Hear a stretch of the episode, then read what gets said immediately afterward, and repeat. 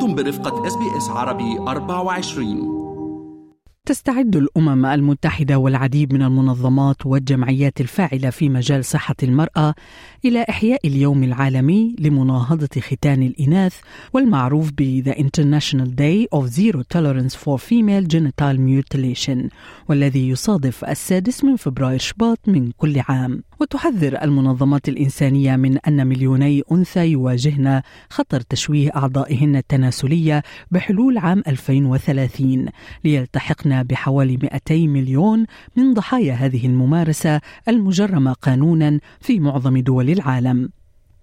ويبدو أن جائحة كوفيد 19 قد أدت إلى تفاقم ظاهرة ختان الإناث حيث قالت نائبة الأمين العام للأمم المتحدة السيدة أمينة محمد العام الماضي إن إغلاق المدارس لما يقرب من عشرة أشهر في كثير من دول العالم أدى إلى زيادة معدلات ختان الإناث بشكل سري كما انهارت آليات حماية النساء والفتيات في كثير من المجتمعات التي تنتشر فيها هذه الممارسة.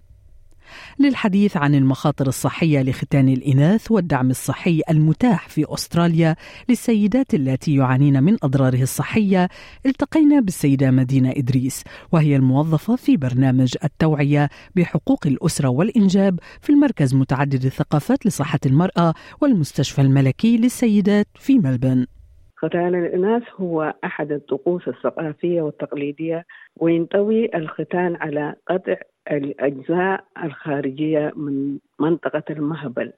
وليس لها هدف صحي بل بالعكس عندها يعني أضرار صحية في صحة الجنس والإنجاب لدى المرأة. وهذا معترف به يعني عالميا أو دوليا آه، كانتهاك حقوق الإنسان للفتيات والنساء.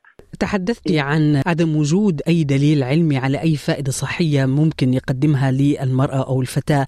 لكن أيضا حابين نسلط الضوء على ما كشفه العلم من مضار صحية تلحق بالمرأة في مراحل مختلفة من حياتها نتيجة لهذا الختان وهذه الممارسة. هو العواقب الصحية مثلا المدى القصير أثناء يعني عملية الختان بيكون يعني نزيف شديد للبنات لما يعني يختنوهم وصدمة من شدة الوجع والعدوى مثلا يعني احتباس البول والعواقب الطويلة الأمد مثلا التهابات المهبل يكون عندهم مشاكل يعني في جماع وصعوبة خلال الفحوصات الطبية وصعوبات أثناء الولادة.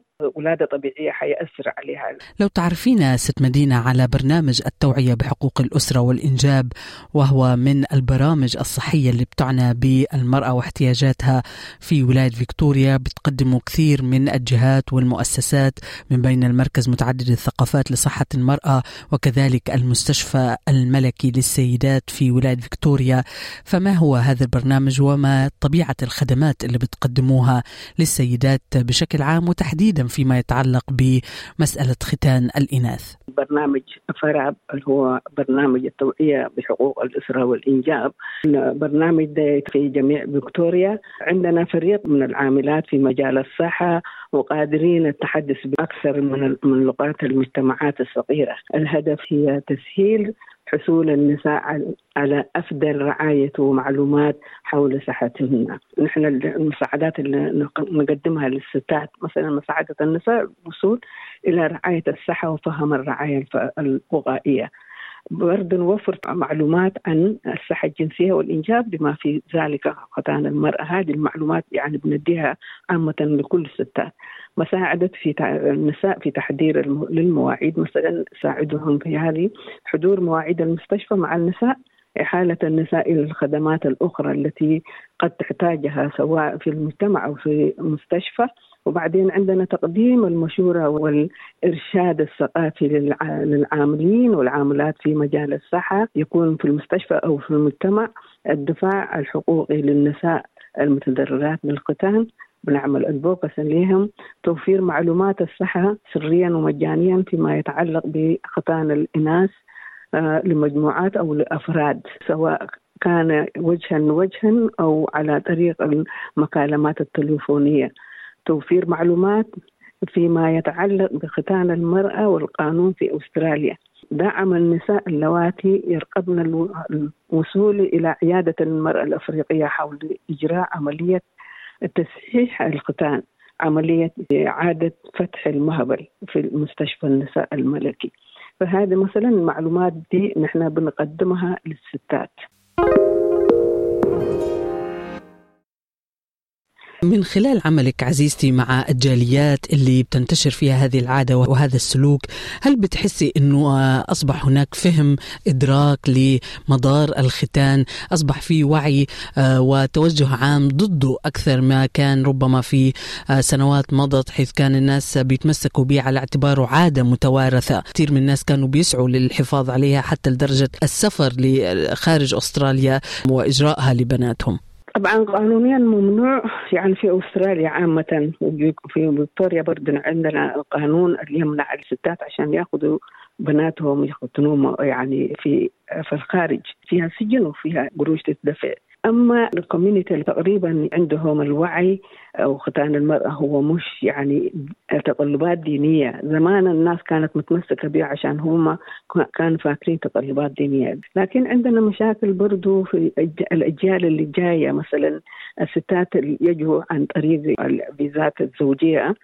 فهدول بيجوا حوامل يعني اللغة معاهم يعني صغيرة ما يعرفوا الإنجليزية وحيث السيستم برضه نظام الصحة يعني مختلف عن في بلدهم فهذول مثلا عندهم يواجهوا المشاكل دلوقتي فنحن شغالين معاهم. برضه عندنا الأجيال الصغيرة الرجال الصغيرة جات يعني مختونة في بلدها. ودلوقتي كبرت وتعلمت يعني لغت التعليم هنا في أستراليا وعرفوا حقوق حقوقهم وأي حاجة. فدلوقتي نحن شغالين مع الأجيال ده. معظم الستات الصغار المشكلة بتاعتهم مش مشكلة الختان برضو عندهم الصحة النفسية وفحوصات الثدي وفحوصات انقى الرحم العزلة وصعوبات اللغة برضو. العنف الأسري والصراع الثقافي. فعندهم الحاجات دي أكثر أهمية. فنحن دلوقتي شغالين مع الستات هدول عشان إيه؟ مثلا نشوف إيش القضية حقتهم. مثلا الواحدة لو قضيتها هي مشكلة ال sexual issue مثلا. آه فهذه لازم تتحول على آه استشاري الجنسي. مثلا مشكلتها مثلا لو mental health أو أمراض عقلية برضه بنحولها لإرشاد النفسي. فعندنا الحاجات دي. وبرضه يوجد فجوة في الخدمات اللي نحن كان زمان كان كنا نعملها. دلوقتي حاجات جديده جديدة جاتنا. فهدول الجيل عاوزين مساعدة أخيرا ست مدينة آه، كيف يمكن للسيدات المهتمات بمعرفة المزيد من المعلومات عن خدمات برنامج التوعية بحقوق الأسرة والإنجاب؟ آه، التواصل معك آه، معرفة المزيد سواء بالهاتف أو بالبريد الإلكتروني. لو في أي حد مثلا يتصل المزيد من المعلومات بالرقم المجاني 1800 ستة خمسة ستة أربعة اثنين واحد. وبرضه لو عاوزين مثلا إيميل بيعملوا info at mcwh.com.au كانت هذه السيدة مدينة إدريس الموظفة في برنامج التوعية بحقوق الأسرة والإنجاب في المركز متعدد الثقافات لصحة المرأة والمستشفى الملكي للسيدات في ملبن متحدثة إلينا عن المخاطر الصحية لختان الإناث والدعم الصحي المتاح في أستراليا للسيدات التي يعانين من أضراره وذلك في ضوء استعداد الأمم المتحدة للاحتفاء باليوم العالمي لمناهضة ختان الإناث في السادس من الشهر الجاري. استمعوا الآن إلى الموسم الثاني من بودكاست أستراليا بالعربي. أحدث إصدارات إس بي إس عربي 24 يأخذكم في رحلة استقرار بعض المهاجرين العرب ويشارككم بأبرز الصدمات الثقافية التي تواجههم عند وصولهم إلى أستراليا.